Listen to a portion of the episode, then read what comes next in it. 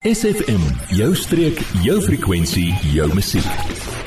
Kus tot kruin, jou weeklikse blik op die omgewing en die bewaring daarvan word met trots geborg deur Sandpiper Cottages Bochumsbaai, want hier gee ons om vir jou en die omgewing. Goeiemôre. Fred Urbani, kus tot kruin elke donderdag hierdie tyd, lekker tyd.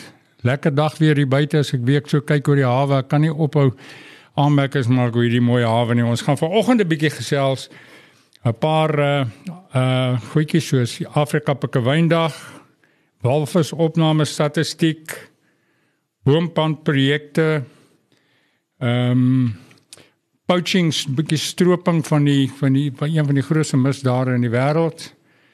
Plante en ook wild.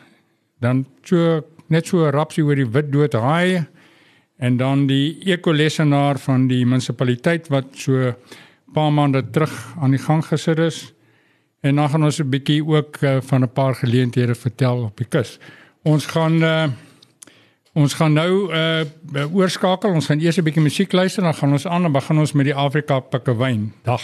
Word deel van ons Facebookblad vandag nog facebook.com vorentoe skuinstreepie sfm streek. Goed nou lekker ritme gekry hier so met die musiek. Nou gaan ons 'n bietjie uh terug na die walvis opname statistiek. En ook uh hierdie maand is Marine maand en dit gaan gevier word. Ons gaan nou-nou vertel waaroor dit alles gaan, maar kom ons gaan na die walvis opname statistiek. Hier het uh die opname gemaak deur die helikoptergroep die laaste paar maande al, ek dink hier van die begin van September af tot nou toe. Hulle het gevlieg uh en so 25000 fotos geneem vanaf Witstrand tot hier by uh, Nature's Valley. Van daai 25000 fotos wat geneem is, die doel daarvan is om te probeer identifiseer watter walvisse kom na dieselfde plekke toe, waarheen gaan hulle, wat doen hulle, kom hulle terug hiernatoe, hoeveel kalwers het hulle uh, by hulle en so aan en so voort. Die analise het ook uh, gewys dat daar hierdie jaar was daar 650 koeie gewees met kallertjies. Nou ja, dit is die hoogste ooit sedert 2018. 2018 was daar so 'n bietjie minder gewees. Uh hier was omtrent 1138 verskillende walvisse wat getel is in die laaste paar maande, laaste 2 maande. Nou wat baie daarmee help ook is hierdie groepies wat ons oral op die kus het. Die hoop het 'n groepie wat kyk en hulle tel walvisse van die van die kant af en ook hier Mosselbaai is die walvis uitkyk groepies. Al daai goedes help om die statistiek vir ons bymekaar te kry. Dis belangrik ook uh, dat hierdie mense op die kus en die van julle wat naby die see bly en die walvisse dophou, net kyk en dan daai statistiek instuur of deelneem aan hierdie groepe asseblief, want dit gee ons 'n idee van wat gebeur. Die die voorspelling wat die mense maak is dat volgende jaar waarskynlik minder walvisse gaan wees as gevolg van die feit dat daar hierdie jaar baie min enkel lopende walvisse saam met die ander gekom het. So daar dit het een of ander effek daar. Maar kom ons kyk 'n bietjie na die marine maand. Dit is nou hierdie maand marine maand en aan die einde van die maand op die 31 Oktober by die Mossel Bay Museum by die Dias Museum gaan daar 'n uh, uitstalling wees deur 'n baie bekende fotograaf van 'n uh, uh, eiland wat uh, hy baie baie fotos geneem het en wat baie insiggewend gaan wees om die die kom ons sê maar die barometer te wees van sekere marine soorte en van sekere voëlsoorte. Julle kan gerus asseblief uh, skakel na die Marine Museum, Marine Maritieme Museum en dan kan julle julle uh, kaartjie daar bespreek. Dit is gratis, maar uh, u moet asseblief voor die 28ste van hierdie maand uh, uh, asseblief aansoek doen daarvoor. Kom ons luister 'n bietjie musiek, dan gaan ons oor na boomplant seremonies. SFM, as you feel van die Suid-Kaap. Goed, ons is weer terug hierso op hierdie lekker dag. amper wolkloos nou het vanoggend baie mistig en bewolk gewees, maar vandag is dit baie beter hierso in 'n mooi Mosselbaai. Uh ons praat 'n bietjie oor die boomplant seremonie projekte wat aan die gang is uh, oor die Wes-Kaap. Die man wat agter al hierdie goed sit op of agter baie van hulle sit is 'n man met die naam van Dr. Jan Oendal. Nou Jan is op die oomblik uh, nie beskikbaar nie, maar ons gaan een van die dae 'n bietjie van 'n praatjie met Jan hê en dan gaan hy ons vertel hoe hy sy projekte met die skole doen want daar's 'n baie groot dryf om inheemse bome terug te plant in areas waar dit voorheen uitgehaal is. Nou in Mosselbaai is die burgemeester en en die munisipaliteit het ook 'n baie groot uh, projek hierso aan die gang. Ek dink hulle so iets soos 2000 bome wat hulle gaan plant of laat hulle waarvan hulle 'n klomp reeds geplant het. Ek sien daar in Boggensbaai is daar omtrent so 60 bome geplant die laaste week en die munisipaliteit werk saam met die plaaslike gemeenskappe om hierdie bome te plant en dan vir 'n rukkie water te gee en dan met die gemeenskap oorneem. Nou ja, dit is altyd 'n goeie idee as um, bome geplant word dat iemand 'n boom aanneem en dan daai boom versorg. Dan kan jy dan elke dag of elke tweede dag kan jy daai boom water gee. Want dit is tog vir jou eie omgewing waar jy dit doen. En as daai boom nie water kry nie, dan is dit maar soos 'n mens wat nie kos kry nie. Jy kan nie baie lank lewe nie. So ons sal baie graag laat mense dan deelneem aan hierdie seremonies. Ons gaan uh, soos ek net nou gesê het ook eh, 'n uh, onderhoud binnekort met Janne sodra hy weer 'n bietjie wel is. Hy's op die oomblik 'n bietjie ongesteld, maar dit is maar hierdie tyd van die jaar lyk my wat dit gebeur. Nou ja, ek het uh, baie jare gelede was ek uh, betrokke by 'n projek gewees in in die Wesrand waar ons die Rodepoort verander het ag altans die Wesrand ja Rodepoort en Colin Park daai wêreld verander het van 'n uh, myn dorpie na 'n stad binne omtrent 5 jaar. Ek, ek het saam met baie groot ontwikkelaars daar gewerk en een van die projekte wat ons aangepak het was gereelde boomplant seremonies en ons het so 'n uh, uh, kwekery gehad van so 20000 bome wat uh, inheemse bome wat ons in daai Colin Park en Rodekrans geplant het. Vandag is dit 'n lushof in Pretoria en Johannesburg en in die Wesrand is nou 'n plek waar wat wêreldbekend is vir al sy bome en die bome bring natuurlik voëls en ander insekte en goggatjies. So die van julle wat enigiets plant in hierdie wêreld van ons asseblief probeer inheems plant en probeer as jy 'n vrugteboom kan plant, plant 'n vrugteboom ook al is dit net 'n suurlemoenboom of 'n lemoenboom of 'n appelboom. Hulle hoort ook hierso.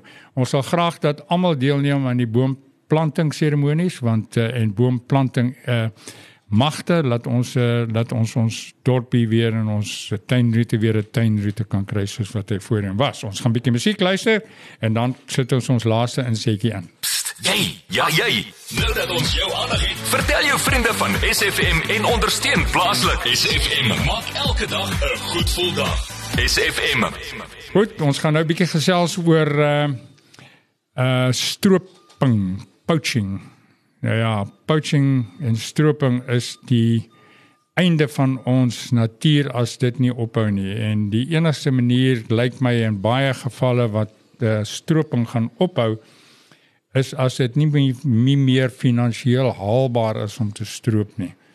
Byvoorbeeld as 'n mens nou vat die wit renoster en renosters uh, op die oomblik uh, kry jy baie hoë prys vir die renosters en die energie wat dit vat en die geld wat dit vat om 'n renoster te stroop is nog die moeite werd want uh, daai horing word gekoop.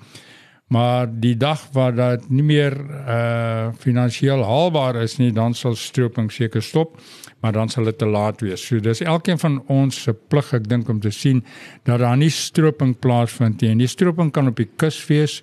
Dit kan uh ook plante wees, sukkulente. Uh mense baie mense stroop vir sukulente uh, dit word China toe uitgevoer hoofsaaklik na die ooste toe want die mense bly in wo woonstelle en dan maak hulle hulle eie tuintjie binnekant so hulle koop daai goed ten duurste aan hierso in Suid-Afrika en ook uh die Noord-Kaap veral en die Wes-Kaap is baie groot teiken vir sukulente plante.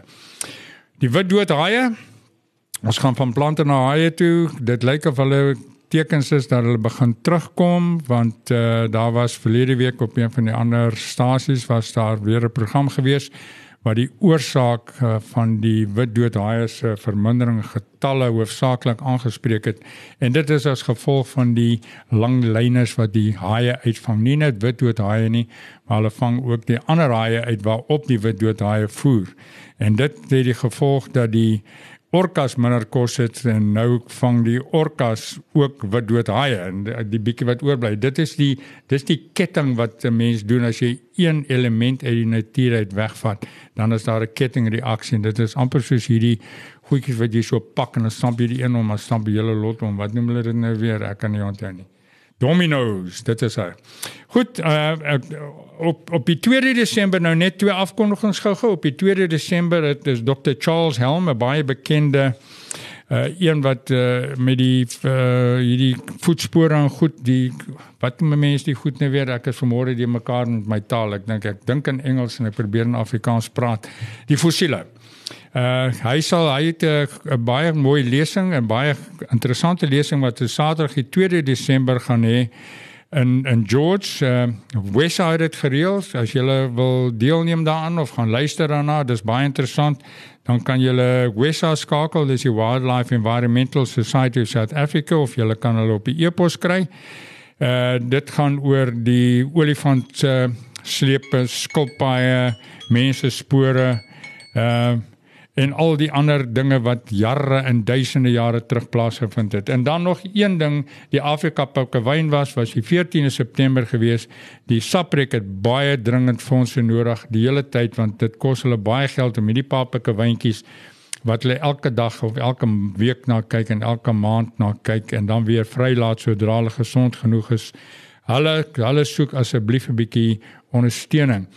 Uh daar so 100 jaar terug was daar 'n miljoen pikkewyne gewees. Hulle die skatting is nou dat so by die jaar 2035 sal daar nie een oor wees nie. So kom ons probeer die mense verkeerd bewys en ons probeer die statistieke verkeerd bewys en ons kom help skakel gerus vir Saprek is S A P R E C Saprek South African Penguin Rescue Centre.